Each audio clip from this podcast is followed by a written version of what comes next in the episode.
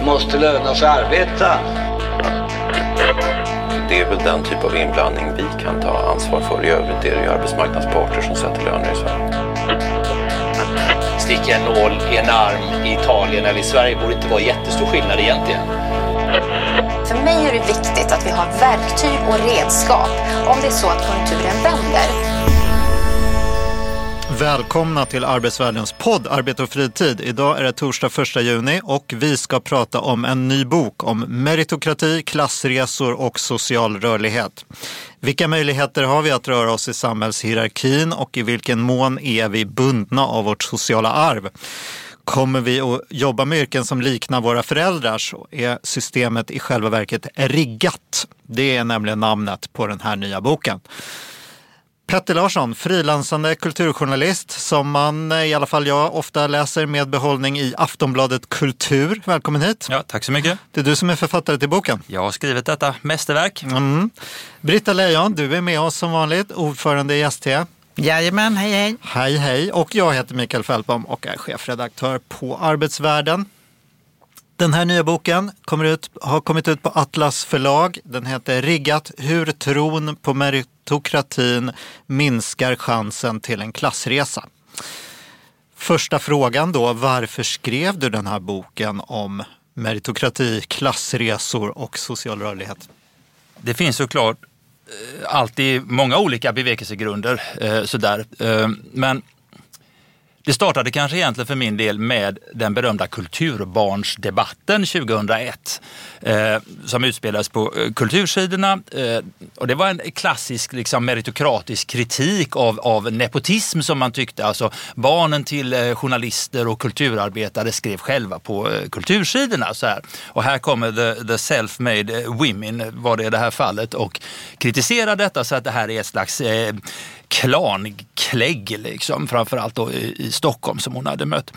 Jag följde den där debatten, eh, tyckte att mycket av det som sades och skrevs var oerhört naivt. Eh, men började också då att läsa in mig lite grann på ja, men vad säger nutida forskning om, om detta i Sverige? Hur, är, hur starkt är liksom det sociala arvet och sådär?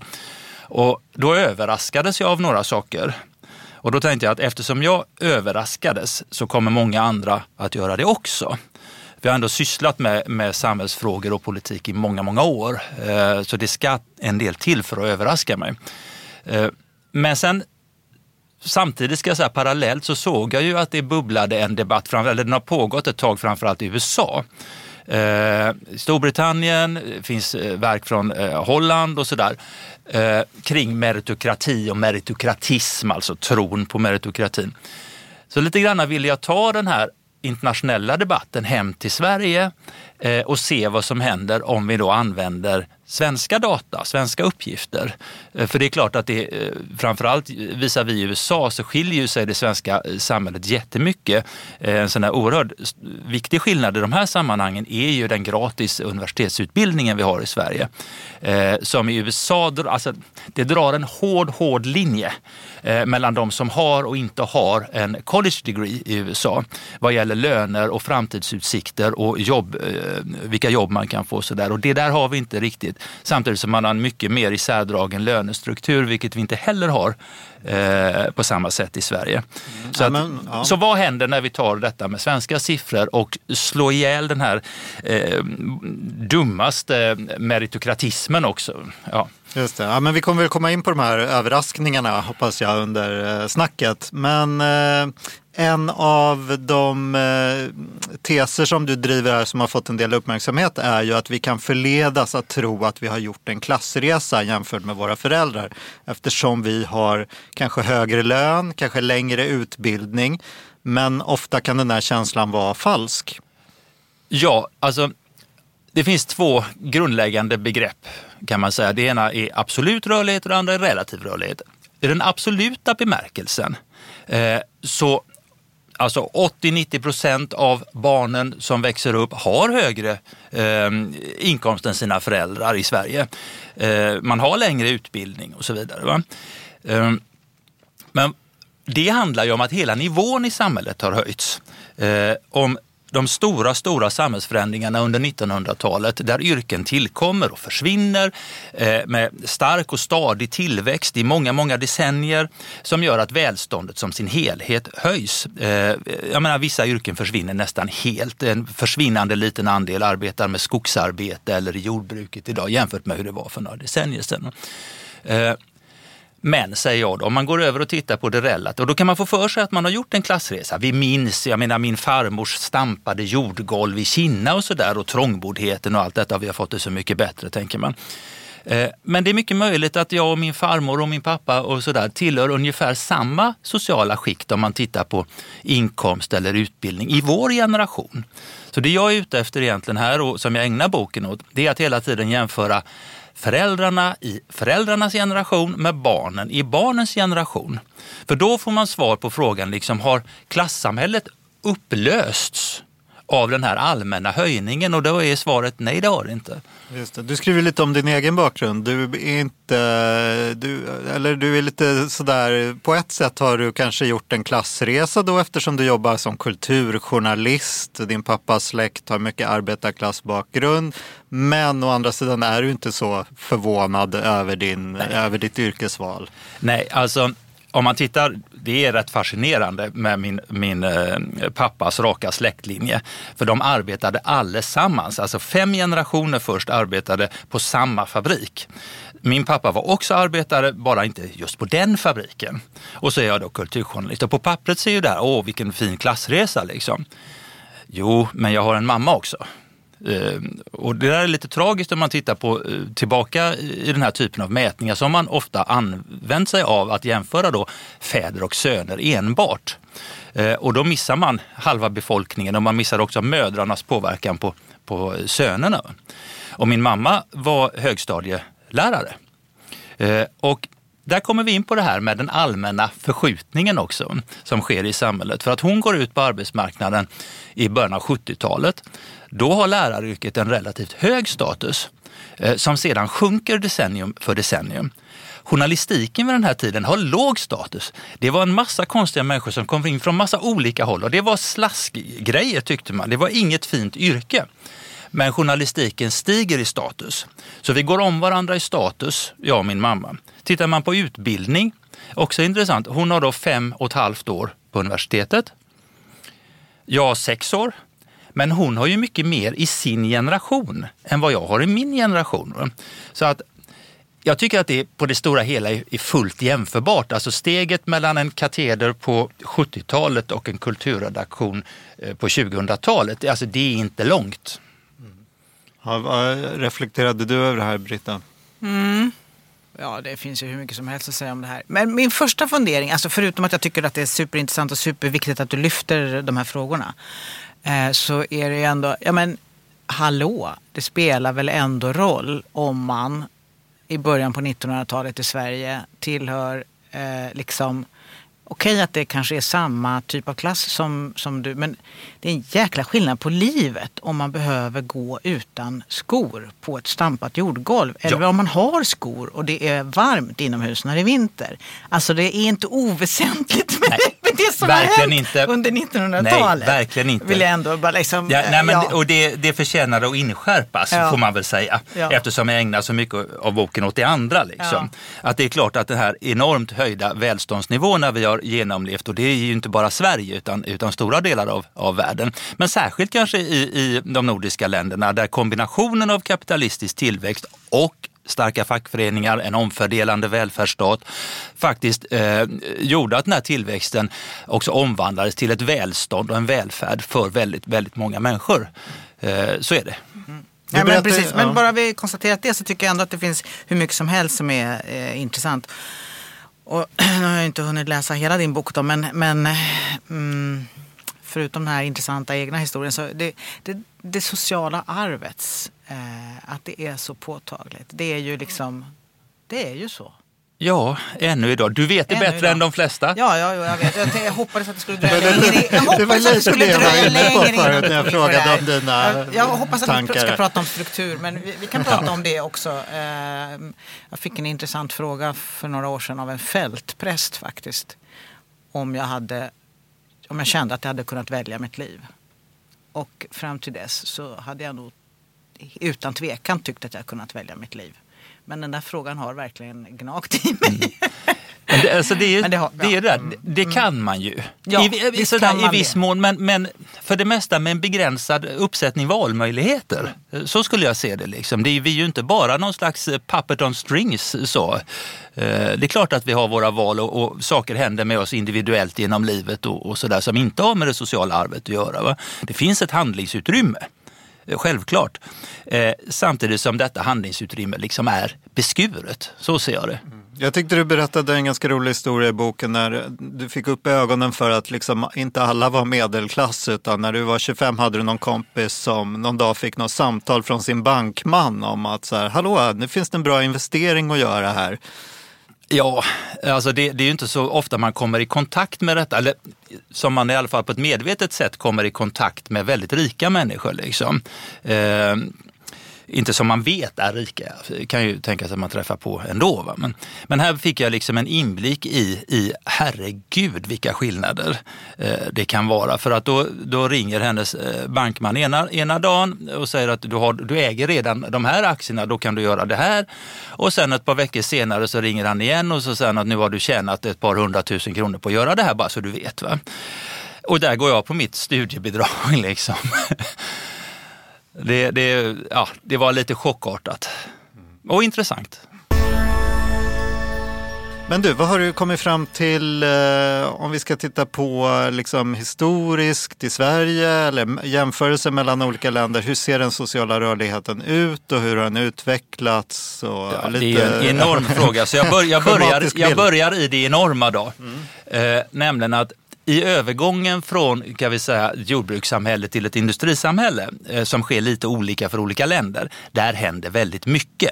Eh, där minskar de sociala sambanden alltså mellan, mellan eh, föräldrar och barn. Eh, och det är inte så svårt att förstå. Man, en snabb urbanisering, nya yrken tillkommer, massor av folk som har jobbat då i jordbruk och skogsbruk och så där förvandlas till industriarbetare. Så där.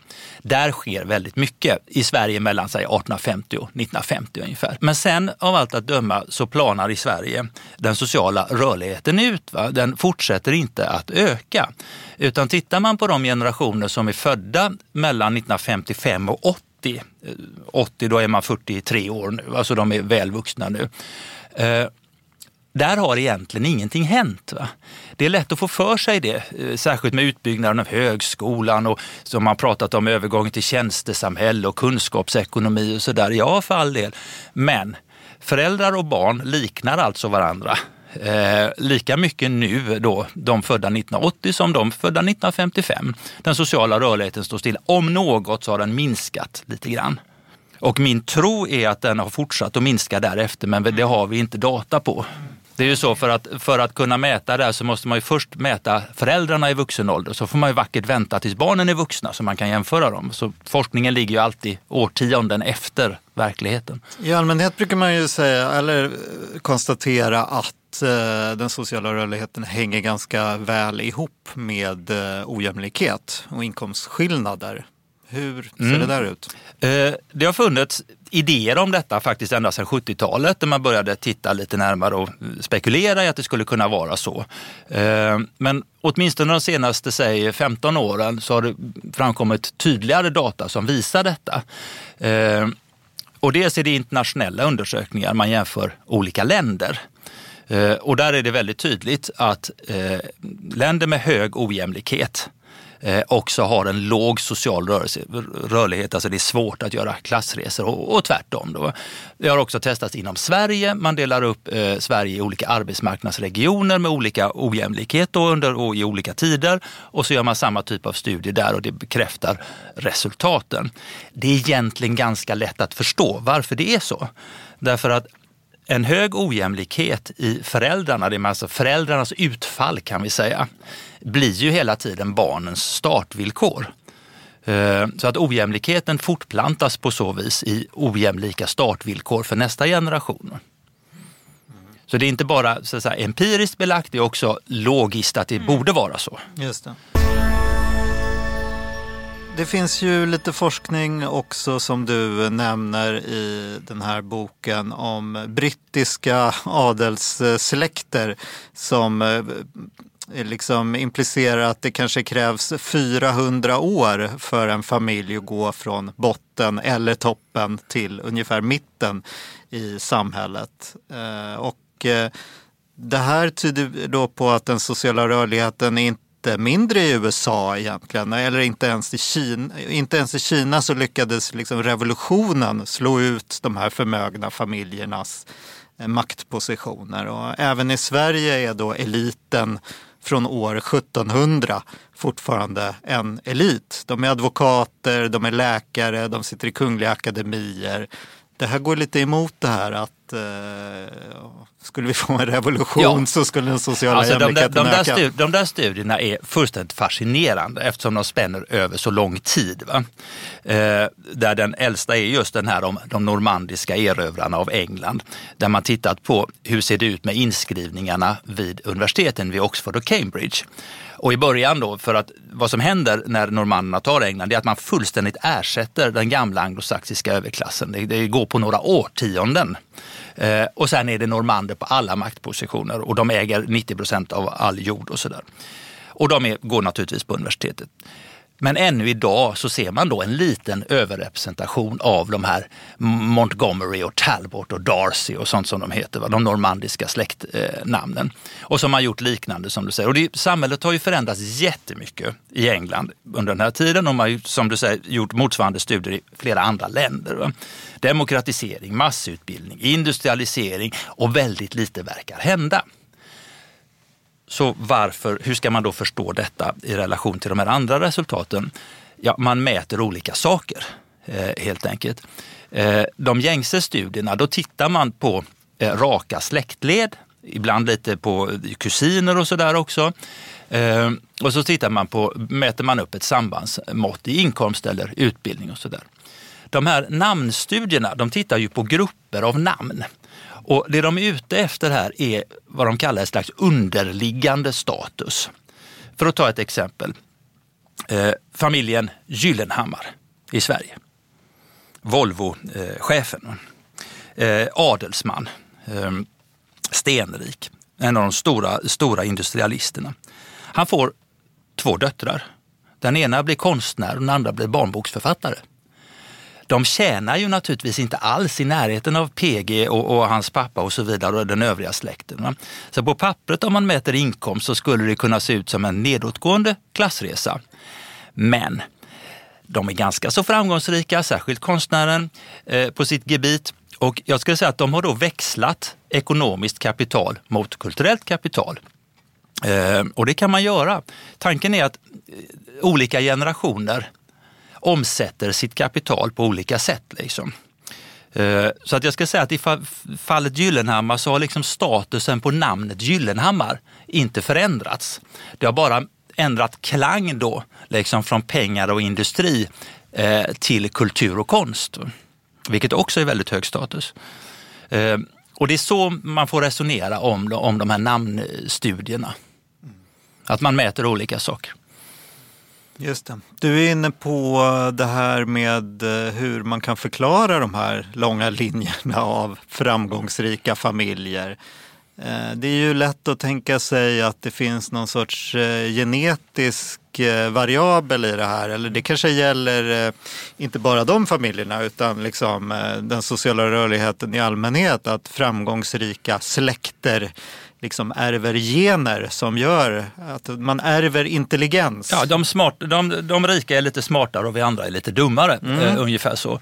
Eh, och det ska jag säga, det är väl huvudtesen, man vet inte detta, men det är huvudtesen bland de här ekonomhistorikerna som har sysslat med namnforskning är att det kanske ändå är genetik, säger de. Eh, men det finns andra teorier. Eh, jag är rätt så förtjust då snarare i, i Eh, Eh, Pierre Bourdieus typ av förklaring, alltså den franske sociologen, som säger att släkter, om man tittar på dem som, som helhet, så samlar de på sig olika typer av resurser. Eh, alltså diversifierat vilka typer av resurser. Eh, så att släkten som helhet, så länge som man upplever någon slags släktskap med varandra, eh, så kan man hjälpa varandra eh, genom historien. Tänk på det som ett försäkringsbolag. Släkten är ett försäkringsbolag. Eh, och då visar han också att rika och framgångsrika släkter, de är ofta väldigt stora. Eh, de har alltså ett brett försäkringskapital, om man säger så. Sånt som vi andra kanske inte riktigt har lyckats samla på oss genom historien. Och det, den typen av förklaring tror jag egentligen mer på. Sen finns det i det sociala arvet, om man talar om det, eller vad vi ärver från våra föräldrar. Det är klart att det finns genetiska komponenter i detta. Eh, utan tvekan, det är bara att titta på ögonfärg eller kroppslängd eh, eller sådär. Eh, men min syn är väl att genet, genetiska effekter alltid liksom utspelas i en social miljö. Eh, att gener och social miljö alltid samspelar och det är liksom lite det fega svaret men jag tror också att det är det riktiga eh, svaret. Eh, och i vilket fall, skulle jag säga, i vilket fall, nu ska vi komma ihåg en väldigt viktig sak som kunde ha understrukits ännu mer i boken. Genetiskt är vi oerhört lika varandra som människor. Våra kapaciteter, vår intelligens, nästan alla är utbytbara mot varandra. Vi kan peka på enstaka liksom, uppenbara genier, en, en Einstein eller en Mozart. Det, där, här finns det en, en medfödd kvalitet, det, det, får man nog säga då. Va? Men samtidigt så föds vi in i en social struktur som sorterar oss till så oerhört olika liv. Eh, och då är det, ska man då motivera dessa olika liv med dessa minimala genetiska skillnader, det tycker jag är väldigt svårt att göra. Eh, låt oss, låt oss tänka oss att, att, att Mozart når sin framgång, på, delvis i alla fall på grund av genetik.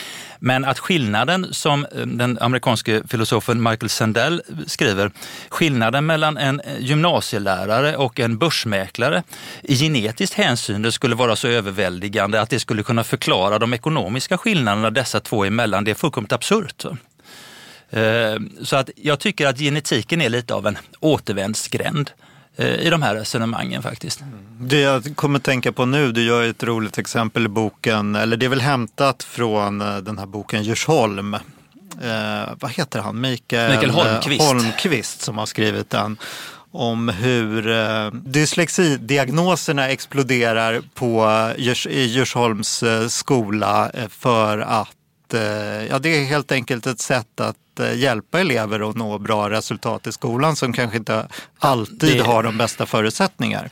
Det är svårt att se det på något annat sätt än, än så. Eh, alltså det grasserar då tydligen en, en, epidemi av dyslexi bland barnen i Djursholm. Måste vi komma ihåg då att detta är oerhört pressade barn. Eh, de har sin, många av dem, alltså sin framtid utstakad. De ska gå vissa utbildningar, de ska nå näringslivets toppar. Eh, och då visar det sig att när eh, Holmqvist pratar med folk där så, mm, om inte barnen oavbrutet får högsta betyg så blir föräldrarna oroliga. Hur ska det du gå liksom för lilla Ebba här? Va? Eh, jag har gjort allting rätt. Va? Hon är ändå sådär. Eh, som det såklart är. Jag menar begåvning är, får man väl säga, spritt över alla, alla klasser. Så det föds mindre begåvade barn i Djursholm såklart som överallt annars. Ja, Nej, men då börjar man, kan vi säga, fuska. Eh, och dyslexi, eh, eh, diagnosen är, är sån här, alltså, 20, man pratar med lärare som säger att det är 25 procent i en klass kan ha dyslexi. De har aldrig sett något liknande. Elever vittnar om att alla mina kompisar ville få en diagnos därför att det ger en massa extra hjälp eh, i skolan.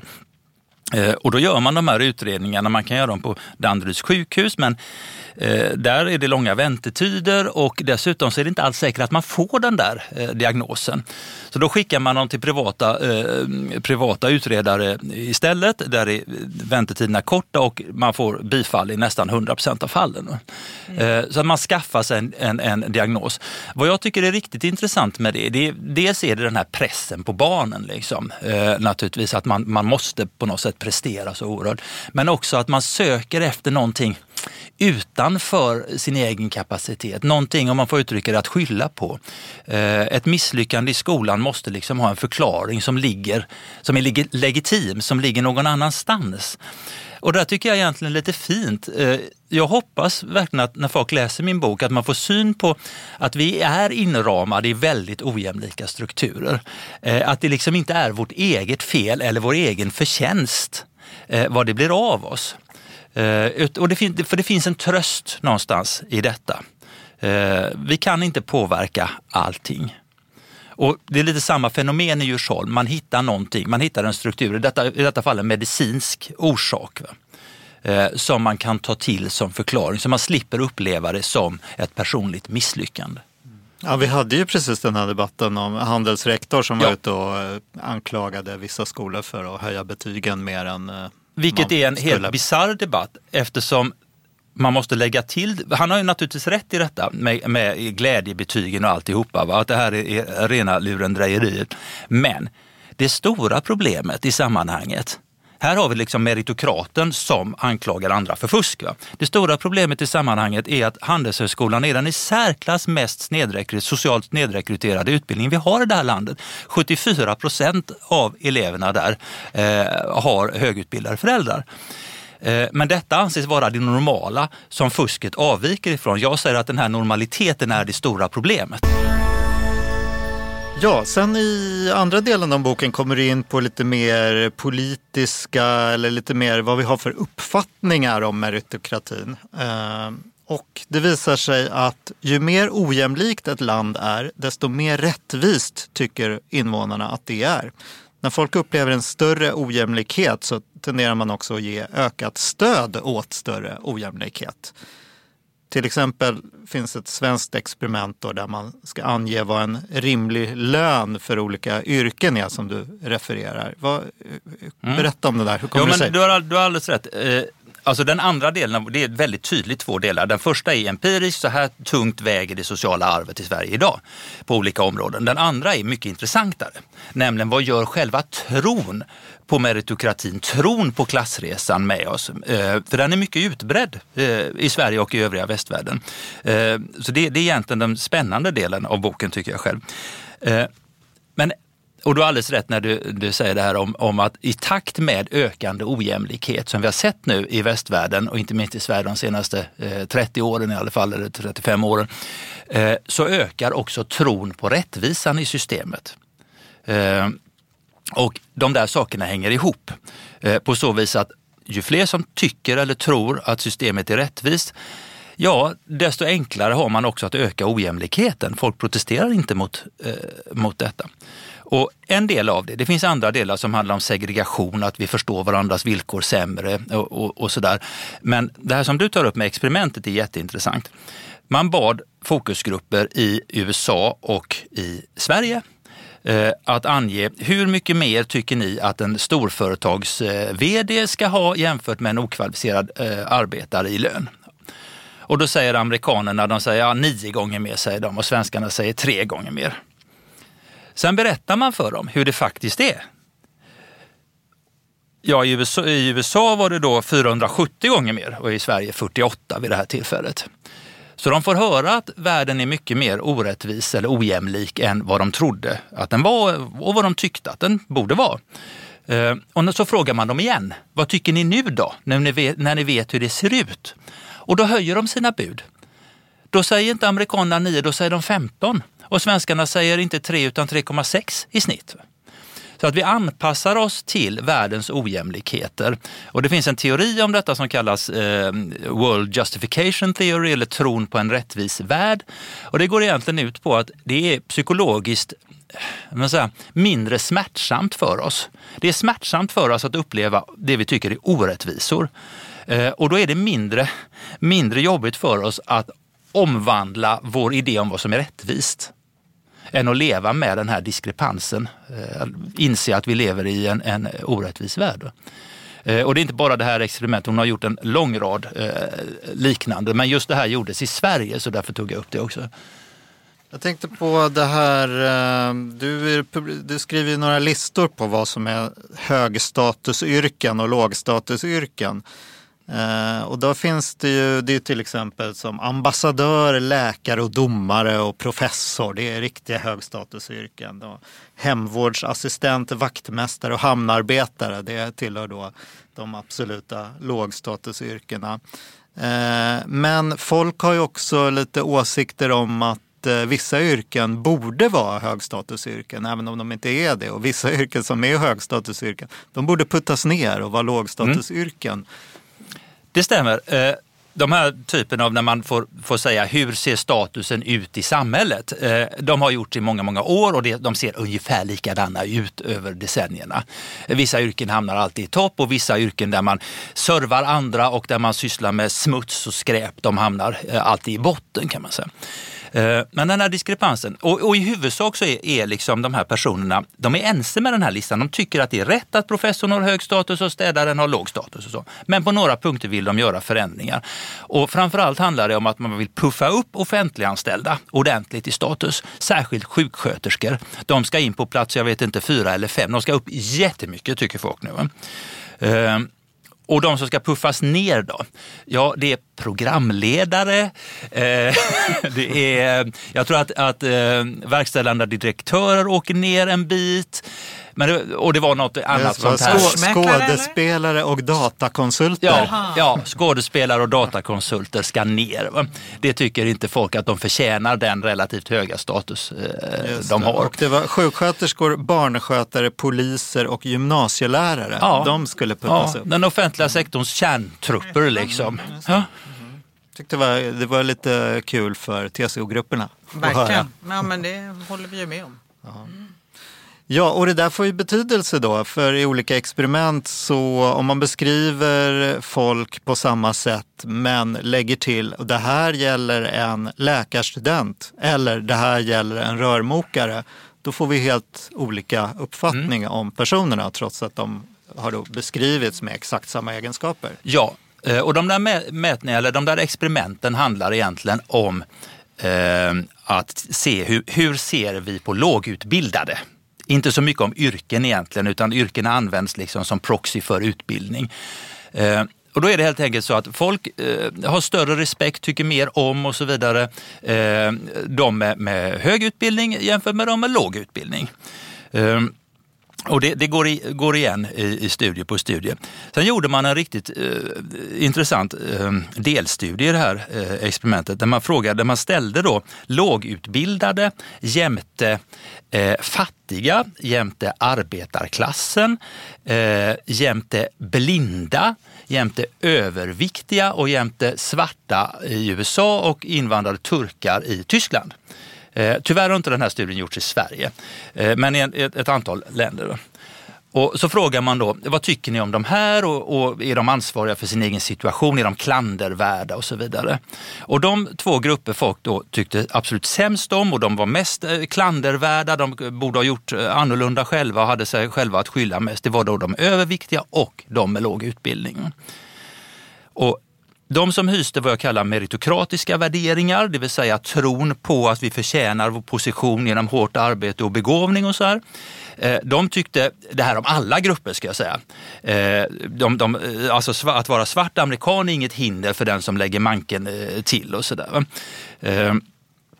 Det mest tragiska i den här undersökningen är att de lågutbildade själva tycker att de är själva är klandervärda. De tycker det till och med lite mer än alla andra grupper.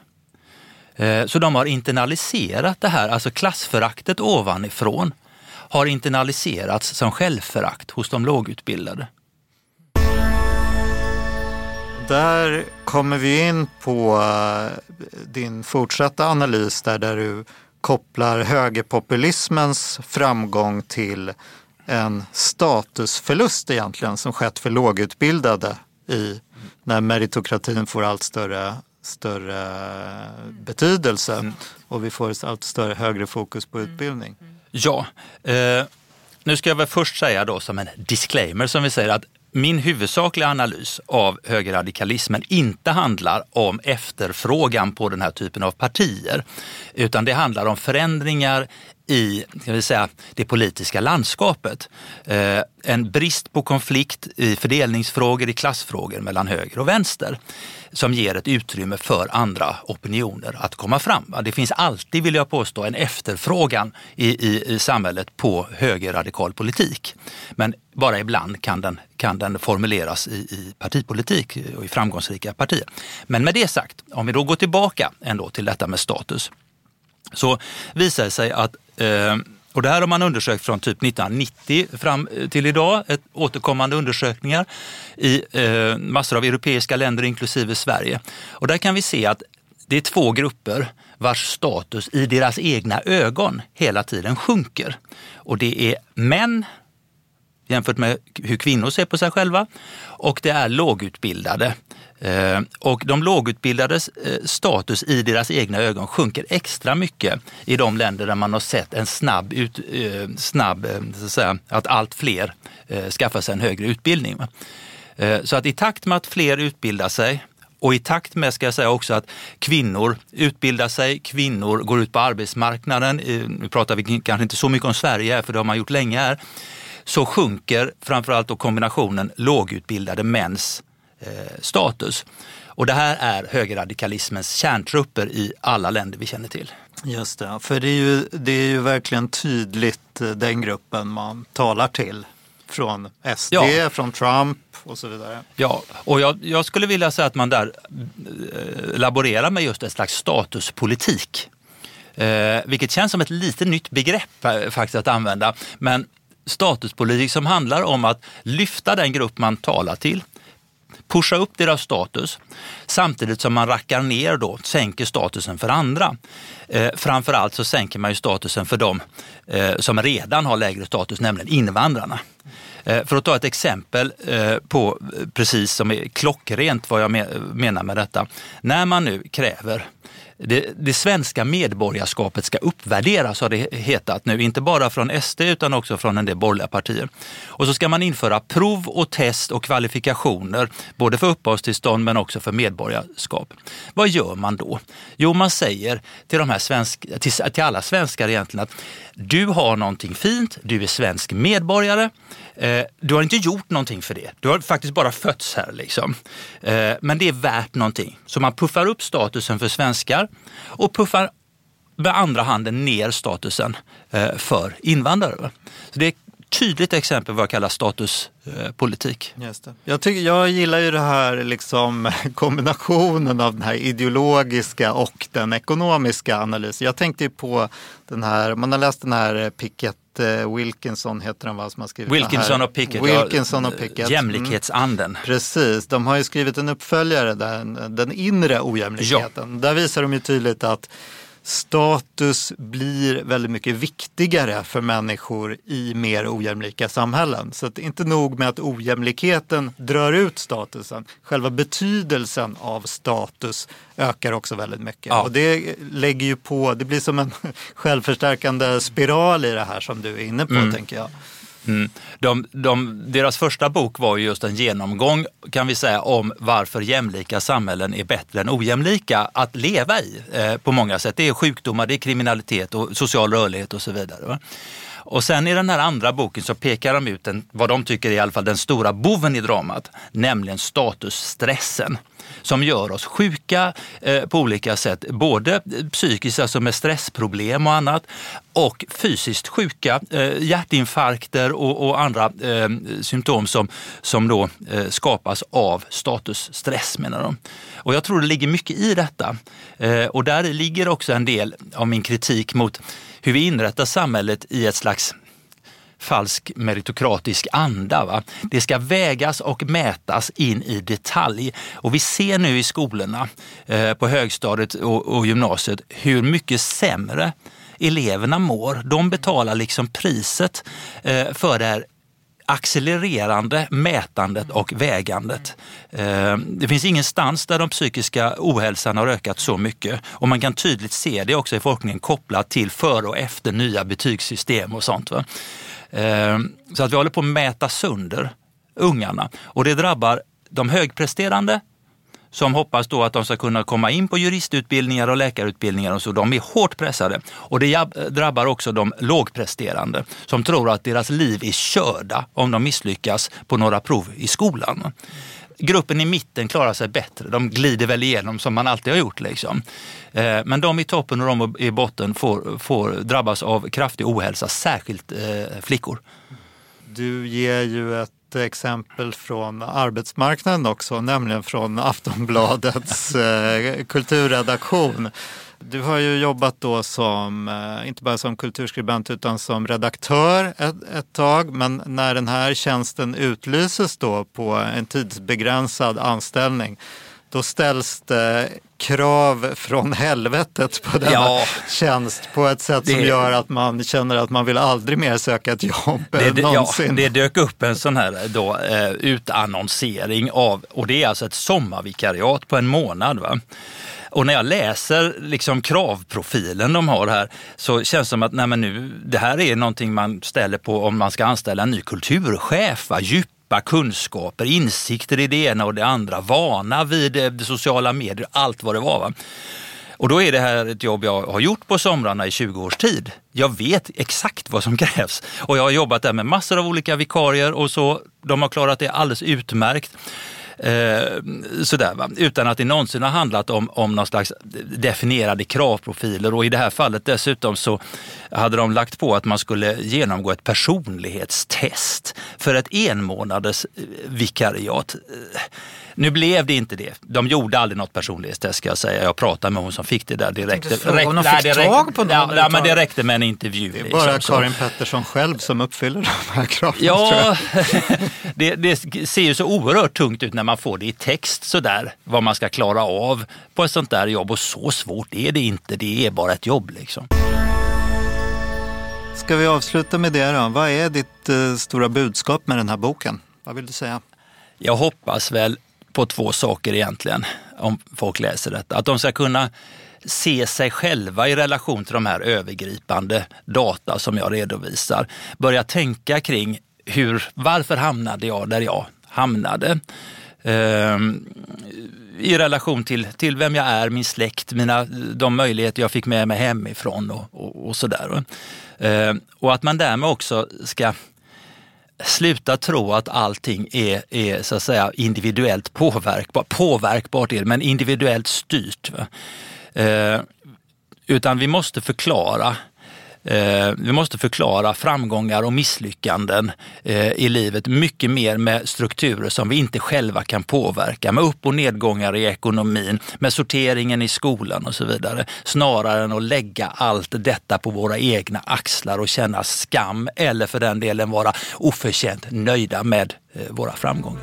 Stort tack för att du kom hit, Petter Larsson, och berättade om Riggat, tr- hur tron på meritokratin minskar chansen till en klassresa. Och Britta, Och ett hälsosamt liv. och ett hälsosamt liv. Snyggt. Britta, tack som vanligt. Ja, eh, det- kändes helt onödigt att vara här idag men det var väldigt intressant.